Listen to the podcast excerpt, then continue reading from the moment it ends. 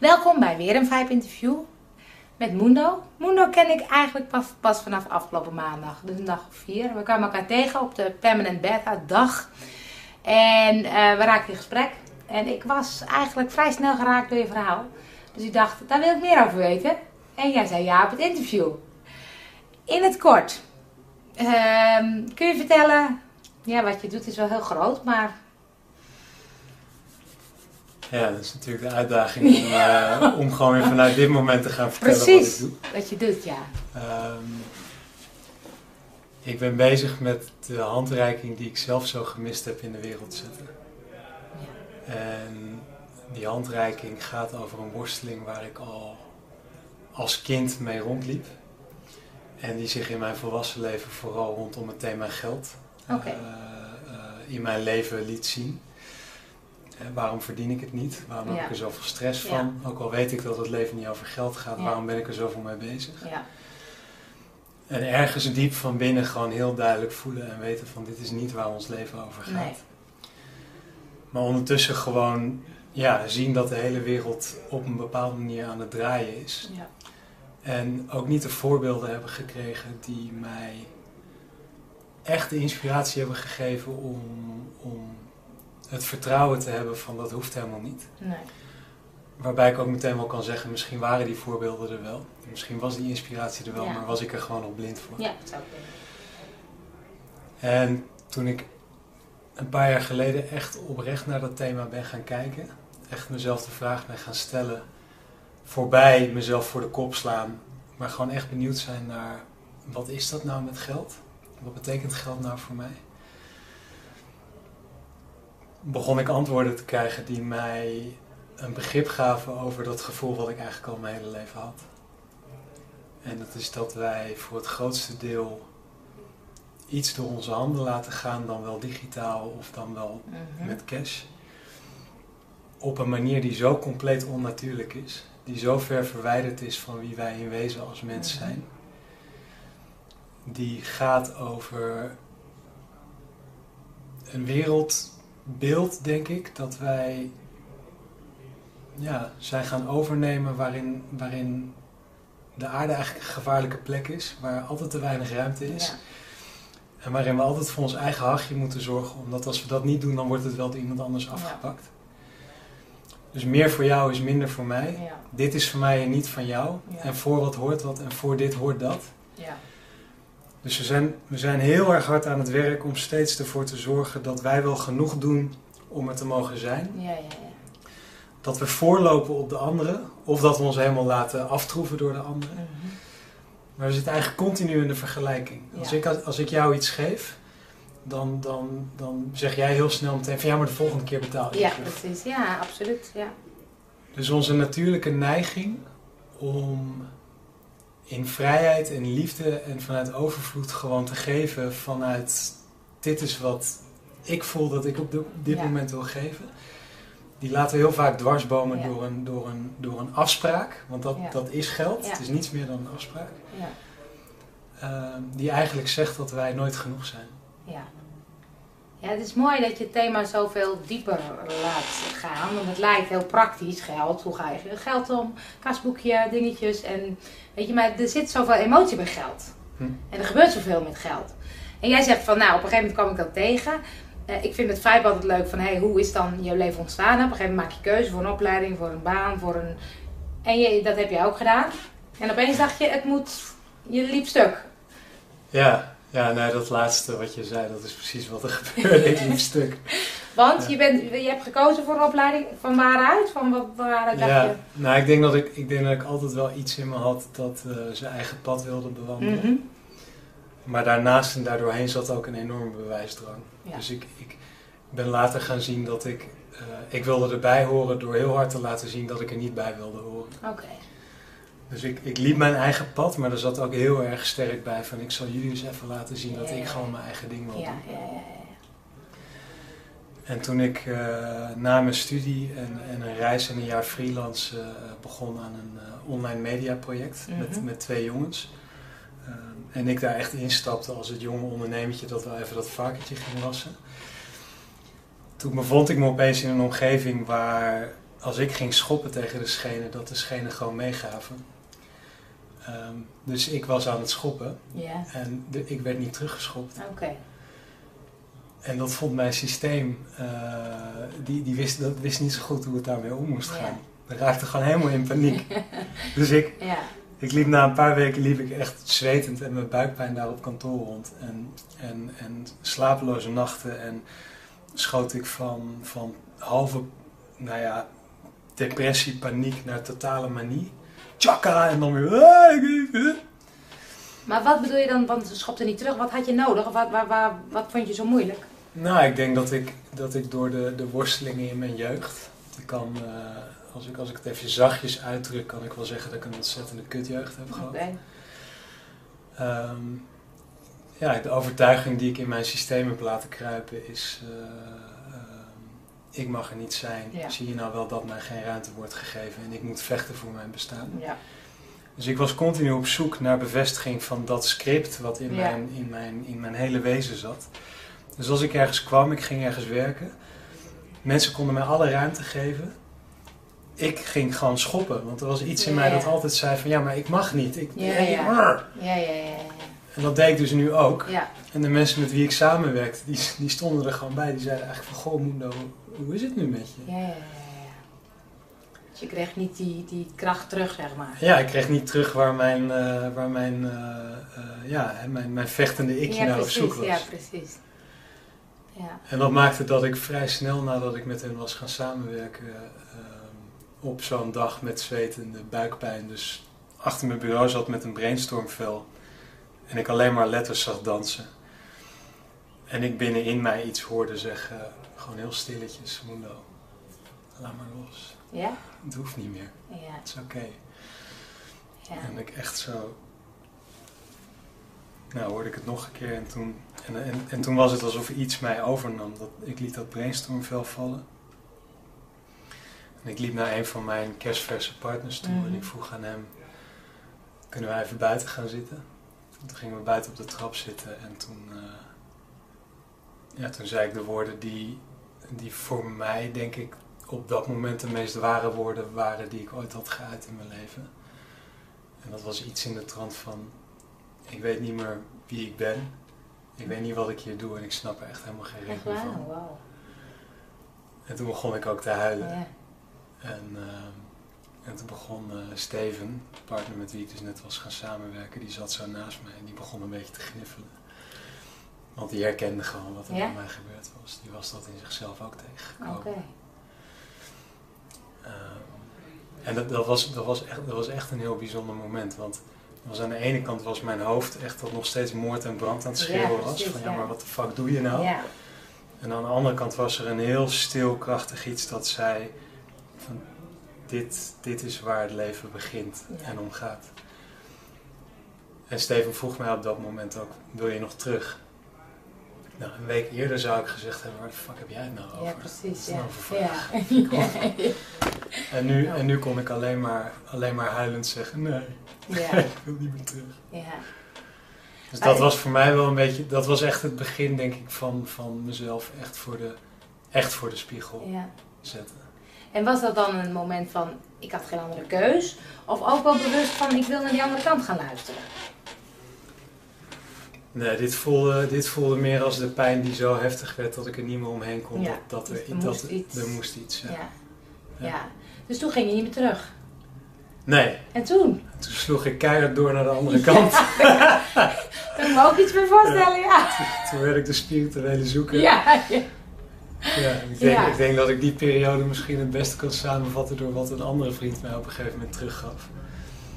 Van Mundo, is, is leuk dat je die poster van Pamela Anderson van de muur hebt gehaald. Ja. Maar nu heb je een poster van Boeddha opgehangen en je bent nog steeds buiten jezelf op zoek naar de waarheid. Ja, mooi. Ja. Dus de oude. Mundo moest weg. Hè, en alles wat die Mundo toen deed was verkeerd. Ja. En ik ging de nieuwe wijsheid opzoeken. En ik, ik dacht ook dat ik hem gevonden had. Ik, ik ging hem ook preken. Nou, dat landde vooral bij de mensen die ik voorheen kende. Landde dat een beetje Nee, op een gekke manier. Ja. Ehm, en ik heb echt, ja, echt wel een paar jaar in, in dat wiebelen gezeten. Ja. Ehm, waarin, waarin, waarin ik wel steeds dichter bij dat gevoel kwam. Dus dat, dat ik steeds eigenlijk duidelijk kon zien en voelen dat mijn gedrag niet overeenkwam met wat ik van binnen voelde. Oké. En op 6, de nacht van 6 op 7 januari 2013 Ja, precies. had ik een slapeloze nacht waarin ik eh, ja, die kracht voelde opborrelen als de, de, de waarheid die ik al mijn hele leven in me had. En die nu zo duidelijk vertelde. Die mij ook liet zien. Hè? Die mij gewoon zo even bij mijn, bij mijn lurven grepen. Zo van, kijk, kijk even terug. En ik in één keer zo zag van... Elk moment in mijn leven dat ik gewoon vanuit die innerlijke impuls op iets of op iemand ben afgestapt. Mhm. Ook al had ik geen idee wat ik ging doen, ontmoette ik de mooiste mensen. Ja, Kwamen daar eh, de meest fantastische ideeën uit. ja, eh, leuke projecten die ik ging doen. En, en vaak werd daar ook nog geld mee verdiend. ja. Elke keer dat ik me door anderen liet vertellen welke kant ik op moest en ik tegen mijn gevoel in bewoog, kwamen ik en de mensen met wie ik samenwerkte in één grote bodemloze strontput van energie. En geld. ja, precies. Nou, dus dat kwam, die nacht kwam dat heel sterk Ja. op. Toen heb ik drie dagen lang nog met een, eh, een razend hoofd rondgelopen dat aan het kijken was van ja, maar kan ik het dan niet in deze situatie nog een beetje zo doen en wat we Ja. nou hier en, en op dag drie belde ik een vriendin van mij op die eh, mij een paar jaar daarvoor, toen ik, nou ik denk in, in, in wel de donkerste dagen van mijn leven die mij eh, even onder haar vleugel heeft genomen en mij als kop zonder kip weer een beetje aan elkaar heeft gelijmd. Belde ik op om, eh, om te zeggen, Corrie, ik heb het gevoel dat ik voor een hele grote beslissing sta. En ik zou het fijn vinden om die even tegen je aan te hangen. Kan ik even bij je langskomen? En een half uur later stond ik bij haar voor de deur en toen deed zij open en ik begon gewoon keihard te lachen. Oh ja? Dus toen hoefden we geen woord meer Oh, te nee, dat zeggen. was duidelijk.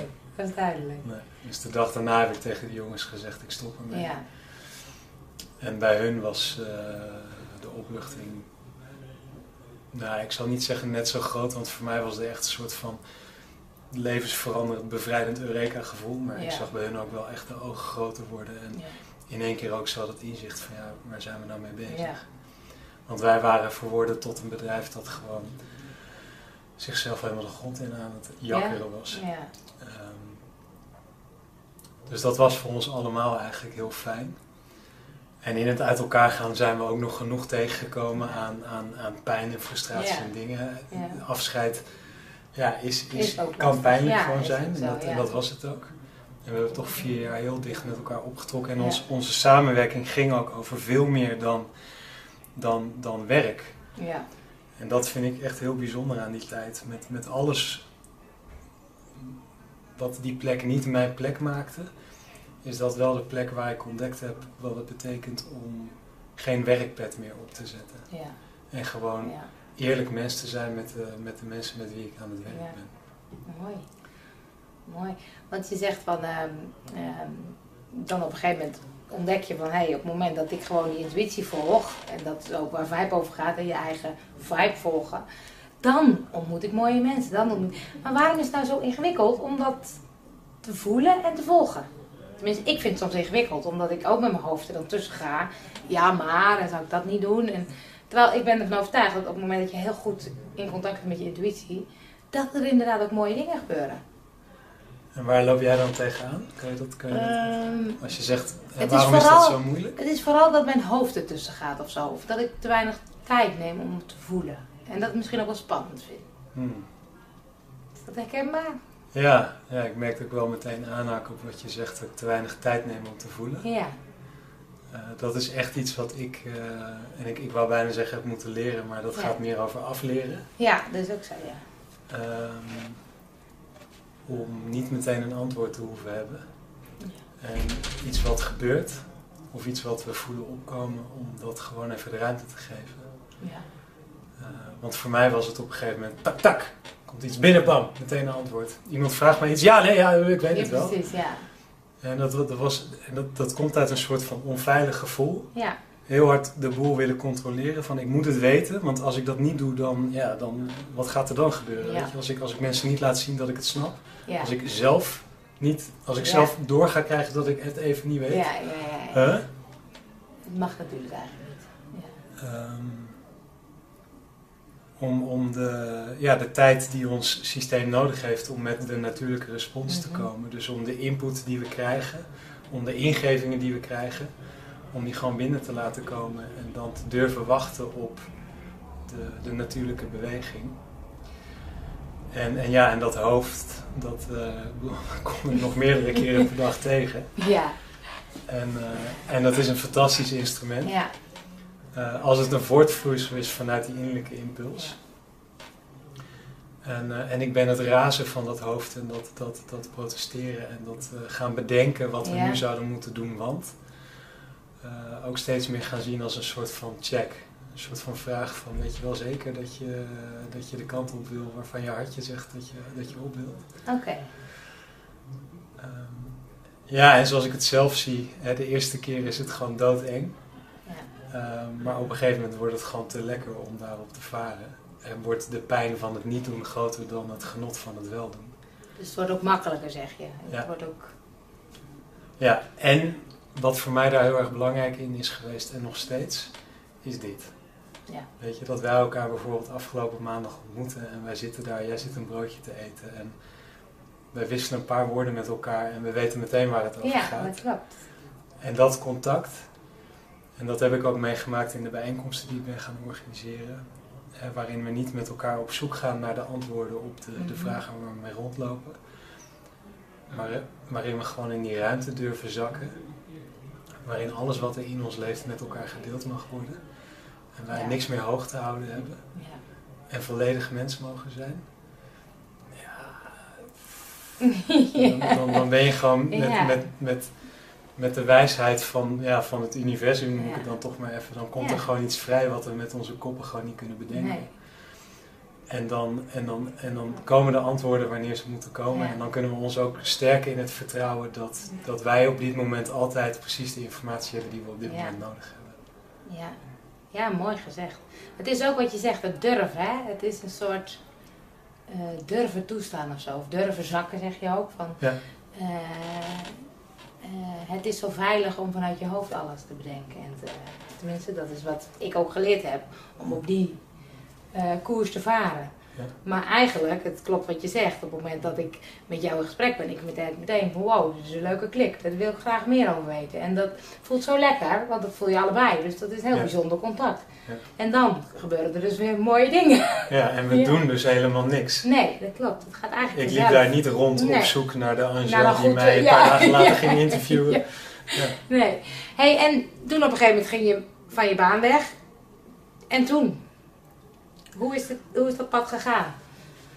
Ja, de, de, de vrijheid en het, en het vertrouwen en het enthousiasme wat ik op dat moment heel erg voelde, ging over echt nog niet zo goed weten wat dan, Ja. maar wel, wel dat, dat oersterke gevoel van ik ben hier om, om iets te doen met de wereld waarvan we van binnen allemaal voelen dat die klopt. Ja. Eh, en, en om die meer naar buiten te laten komen. Ja. Ehm, en ik was toen al begonnen met een, eh, een documentaire project, Hardwerkers, Oké. met een T. Met twee hard, hardwerkers, ja. En wij filmden, ik deed dat samen met een bedrijf, en wij filmden mensen die doen waar ze van houden. Eh, wat voor mij ook een spiegel was in de Ja. aanloop naar die slapeloze nacht. ja. En verder wist ik het gewoon nog niet zo goed. Nee. En ik ben in dat jaar echt het experiment ingedoken. En ik ben, ik ben Qigong en Tai Chi les gaan geven. Ik ben andere filmopdrachten gaan doen. Ik ben gaan coachen. En ook al vond mijn hoofd dat ik helemaal geen coach kon zijn, want ik had daar geen opleiding voor. Maar, en hetzelfde gold voor Qigong en Tai Chi. En voor films maken. Ehm, en het dingetje waar ik wel een beetje mee rond bleef lopen was van ja, geld. Want eh, hoe werkt dat nou? Ja, precies. Ja, het blijft een boeiend onderwerp, ja. Ehm, en die benieuwdheid waar ik het eerder over had, dat, die, die, die, die kwam dat jaar binnen. En ik heb dat jaar, hè, dus toen, toen, toen het, het rammen op mijn hoofd met de knuppel plaatsmaakte voor, goh, hoe zit het nou echt? Ja.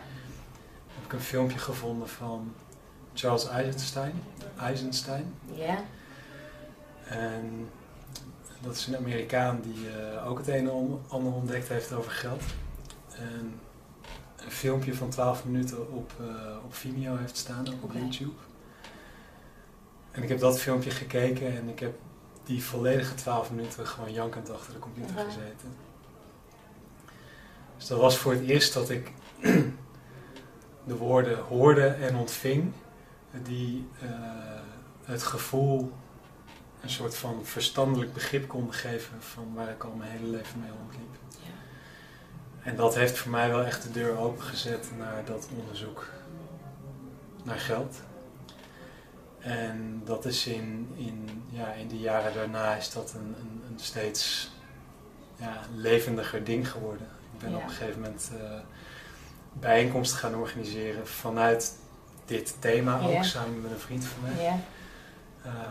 En waarin het ook weer niet over geld ging. Hè. Dus geld kon wel het ingangsthema Ja, zijn, maar de bijeenkomst ging echt over die ruimte creëren waarin wij eh, onszelf en elkaar konden ontmoeten in wat ons echt tot leven brengt. Voorbij alle bullshit Ja. die ons daarvan weghoudt. Ja. En ik vond ondertussen dat ik heel veel bevrijding en inzicht had gevonden in dat hele thema. En ik voelde ook heel veel meer vrijheid. Mhm. Maar ik kon er eind 2015 toch niet omheen dat ik nog steeds aan het werk was om ervoor te zorgen dat ik straks de dingen kan doen die ik eigenlijk nu wil doen. Ik denk dat veel mensen dat herkennen. ja. Ja. Ja, en toen ik dat eenmaal zag, toen, ja, toen was er echt geen verstoppen meer. Ja. Toen was het niet meer een kwestie van hoe ga ik daarvoor betalen, maar van eh, hoe lang ga ik mezelf nog voor de gek houden. Ja. En, ehm, en die vraag die je kent meerdere lagen. En we weten altijd zoveel als dat we nu weten, Ja. of denken te weten. Eh, maar dat was het moment waarop ik eh, ook weer na twee dagen razend hoofd wist. Ik ga op 1 januari 2016 een experimentje aan. Zonder geld leven en reizen. Zonder... Kijk, daar wil ik meer over weten. Want dat vind ik wel een uitdaging. Dat je denkt, oké, je vertelde net al, bankpas weg, zorgverzekering, uitschrijven in Nederland en de wereld in. Ja. Hoe doe je dat zonder geld? Ja, nou, wat misschien wel het leukste is om te zeggen, dat ik wist dus dat ik dit ging doen. Mhm. Op eh, 29 november 2015 wist ik dat ik op 1 januari zou beginnen. Dus ik, Maar dat is een soort innerlijk weten. Hoe Ja. werkt dat? Ja? ja, ja, dat was, dat was echt, er was geen zo van, eh, weet je, een lijstje maken met voor's en na's. Ja. En ja, oké, ik ga dat doen. Dat was gewoon baf. Ik dit moet is duidelijk, dit moet je doen. Ja, en ik vond het echt, ik vond het doodeng. Ik vond het, Ja? ja, ik vond ja, het echt ik kan me doodeng. voorstellen, ja. En ik had er ergens ook gewoon echt, ik wilde het ergens ook gewoon totaal niet. Echt? Maar, maar dat was dus dat besluit. Ja, Zo van ja, ja. ik kan willen wat ik wil, maar het is besloten. Dit is, ja. En, eh, en het wordt ook 1 januari. Eh, want ja, waarom zou ik er nog langer mee wachten? ja. Ik vind het wel fijn om mezelf nog even één maand te geven om bij te komen van de schrik. Eh, en ook om te bedenken van ja, maar hoe ga ik dat Hoe dan, dan? doen? Ja. En, eh, ja, en, en toen kwam al snel, vrij snel de vraag van ja, maar hoe ga ik me voorbereiden op een leven zonder geld? ja. Heb ik het, het beetje geld wat ik, daar, wat ik nog heb, heb ik dat daarvoor? no- nee, nee, de. Ja. Ehm, dus ja, hoe doe ik dat? Ja, ik denk dat ik daarin ook weer eh, eh, tegen ben gekomen dat ik dat eerst heel erg heb proberen te bedenken. Ja, Dus ik kwam met ideeën van, wat ik zelf echt een supergoed idee vond. Ik ga de Triodosbank vragen of zij Ja. mij willen sponsoren met allemaal outdoor gear, want ik wil de natuur in en ik wil Ja. schrijven. En dat ik dan, ehm, trouwens dat had een vriend van mij, die, die, had, die had daar een paar leuke ideeën over aangereikt. Dan ga ik bloggen voor de Triodosbank en dan kan ik met hun misschien een Oh ja. mooie samenwerking aan. Nou, vond ik een leuk idee. Ja. Dus ik had een videoboodschap gestuurd naar Mhm. iemand bij de Triodosbank. Oké. Onwijs mooie vent, Ted van den Berg, directeur van de Triodos Foundation. En die, ik stuur hem die mail en hij bericht mij terug met ehm, nou, dat hij echt geraakt is, verstild door wat ik schreef. En vertelt over hoe, hoe mijn vraag op hem overkomt en wat is dat dan zonder geld leven. En aan het einde zegt hij, ja, ik, ehm, om, om even heel eerlijk en hard te zijn, is jouw vraag om je geld te geven voor een reis zonder geld nog niet helemaal af. Ja, ja dat is natuurlijk ook zo, ja. Dat ik denk zo van, ja, dat is natuurlijk echt met koeienletters natuurlijk. Ja, Dus, dus ja, ik, weet je, ik kwam, ik, pff, ik kwam ook van alles Ja. in mezelf tegen. ja, En op een gegeven moment ook weer bij de rust van, ik hoef het niet te weten of te bedenken. Ja. Ik moet gewoon afgaan, ik, en dat moet niet eens, maar ik ga gewoon af op wat op dit moment klopt. ja. En ik heb die maand nog van mijn laatste geld, ik heb geld weggegeven. Ik heb, eh, ik heb nog een, een klein cameraatje gekocht. Eh, ja, gewoon gedaan wat, wat, wat voor mij kloppend voelde. Ja. In de wetenschap dat ik eh, op 1 januari gewoon mijn rekeningen afgesloten zou hebben op 1 na, waar toen volgens mij nog 60 euro op stond. Ja, ja. Die pinpas ergens diep in een doos in een stalling weggedaan. En ja, toen begon het. En dan ga je gewoon, ik neem aan liftend, want je kan niet de trein nemen. Nee, nou ja, de, de, de eerste, eerste etappe werd me makkelijk gemaakt. Oké, Diezelfde Corrie over wie ik net vertelde, die assisteerde ik bij een jaartraining. oké. En zij zei tegen mij, ik wil dat jij eh, eind april wel op tijd terug bent voor het laatste weekend. En jij gaat naar Schotland, dus hier heb je een retourticket naar Schotland. Oké, Ehm, dus dat, dat, dus dat, daar was je al. daar was ik al. Ja, al. ja, dus ik hoefde niet te bedenken hoe ik de, op. Noordzee Ja, over ging steken. Ja. Eh, maar in Schotland kwam dan, ik heb daar nog bij vrienden gelogeerd in. Edinburgh. Eh, maar in Schotland kwam dus wel al snel het moment dat ik gewoon langs de kant van de weg stond. En, Ja, en liften was mij niet onbekend, daar had ik al heel veel gedaan. Eh, maar liften zonder geld in mijn zak. ja, En dan ook bij een, eh, een boot aankomen die gaat oversteken naar een klein eiland. Naar, zodat ik naar iemand toe kan bij wie ik dan een tijdje in een gemeenschap ga wonen en meewerken. Had ik ook nog nooit gedaan. oké. Eh, ja, en dan echt durven vragen Ja. aan iemand van, wil je, eerst aan de mensen van die boot vragen van, mag ik met jullie mee? Ja, En ik wil jullie graag ergens mee helpen. ja, En dan gewoon een ijskoude blik terugkrijgen. Sorry, it's not possible. ja, precies, ja. En ik dan zo een beetje, oké, ja, oh, Ja. zo zie ik iemand zitten en dan loop ik op af. En die zegt dan meteen, oh sure, no bother. Oh ja? Geeft mij meteen vijf pond. En ik loop zo triomfantelijk terug naar, naar het loket. En die vrouw die kijkt me echt als, als eh, if looks could kill. Ja, ja, ja, ja, ja. En dan uiteindelijk een uur lang met die vrouw op de boot echt een fantastisch Ja? gesprek gehad. Wauw. Ehm, maar ja, dat durven aangaan en eh, durven vragen en durven ontvangen. En, en voor mij de oefening, waar ik vrij snel achter kwam, om, want ik had dus geen geld op zak, Nee. maar mijn drang om te betalen was even sterk als Ja, voorheen. dat snap ik, ja. Dus ik kom ergens aan en ik, ik, ik ben al over mezelf heen gevallen om die mensen te laten weten dat ik echt wel wat kon brengen hier. Ja, Tot op het punt dat ik af en toe wel eens terugkreeg van Mundo, ga lekker ontspannen, weet je. Komt wel, kom hier lekker aan en, en, eh, en we zien het wel. En dat waren mensen die, die een half uur geleden nog niet eens wisten dat ik aan zou komen, ja, laat staan wie ik was. Ehm, om, om echt te leren vertrouwen op, als ik met mijn hele zijn ergens aankom en ben, en daar volledig durf te zijn, dat datgene wat gegeven wilt worden, komt wanneer het gegeven wilt Ja. worden. En, ehm, en dat als wij los durven laten, dat als ik jou wat geef, dat jij mij wat moet geven, dat we dan in een situatie terecht kunnen komen waarin het eigenlijk helemaal niet meer zo duidelijk is wie nou wie geeft Ja. en wat. ja, Maar dat er gewoon een soort van dankbaarheid is in, ja, in dat we niet bezig zijn met die weegschaal. ja. En, en dat in dus uiteindelijk de tien maanden dat dat experiment heeft geduurd, maar ook in de tijd daarna. Want dat heeft me wel iets gegeven wat me tot nog toe niet heeft losgelaten en eigenlijk alleen nog maar steviger in mij ja. verankerd is geraakt. Ja, maakt dat je contact met elkaar kan maken op Ja. een manier die compleet natuurlijk voelt. Maar, en die tegelijkertijd echt magisch is. Ja. En die mij en, en de mensen met wie ik dat contact echt vind, echt een gevoel van compleet thuiskomen in dit is wie wij zijn en dit is waar het echt om draait. Gaat. Ja, want het is wat ik, wat ik hoor, het durven vragen.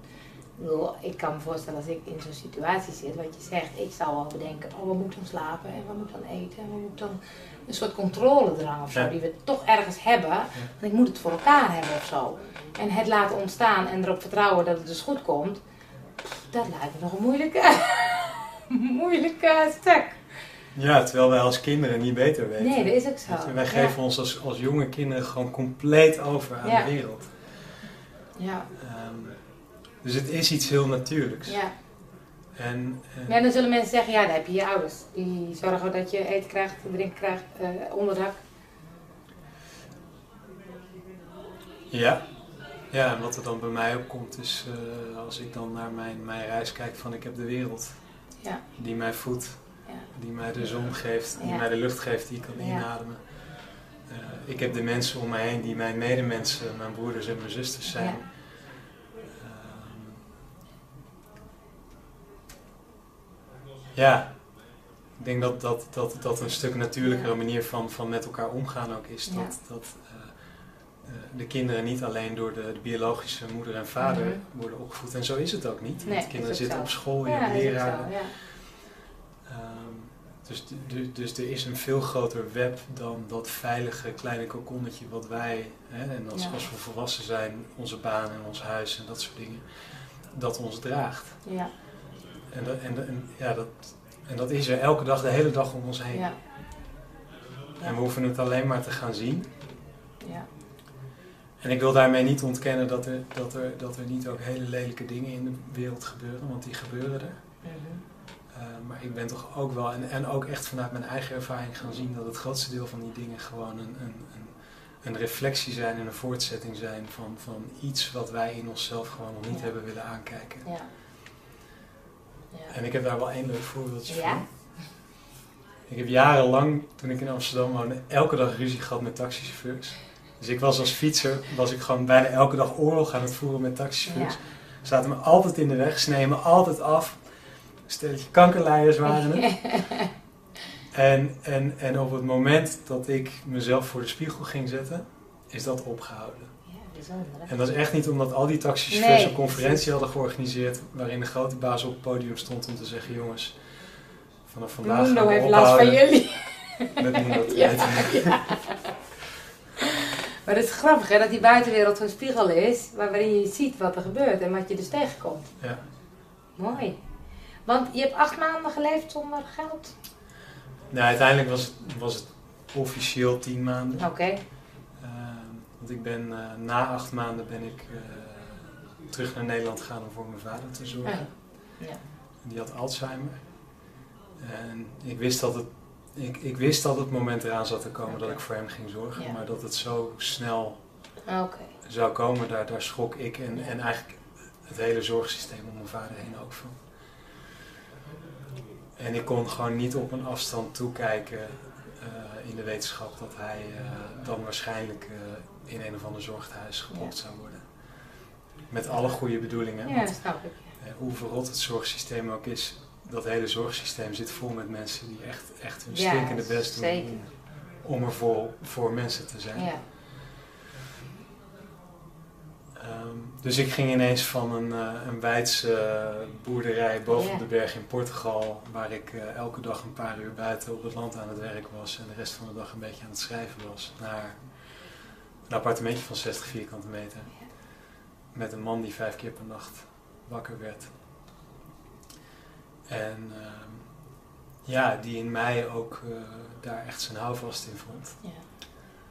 Ehm, en waarin ik opeens alle beklemming weer voelde waar ik, waarin ik die hele Ja. reis in, mee aan het oefenen was. Ja. Ik heb geen ruimte om te doen wat ik Ja. wil. Ik word helemaal beperkt in mijn vrijheid. Ja. En, en, en als, die, als, die, als die eerste acht maanden reizen mij niet al daarmee hadden laten oefenen, dan waren het die acht maanden dat ik uiteindelijk met mijn vader zou samenleven. Wel heel erg. Ik wou zeggen, dat is wel een les, denk ik. Ja. ja.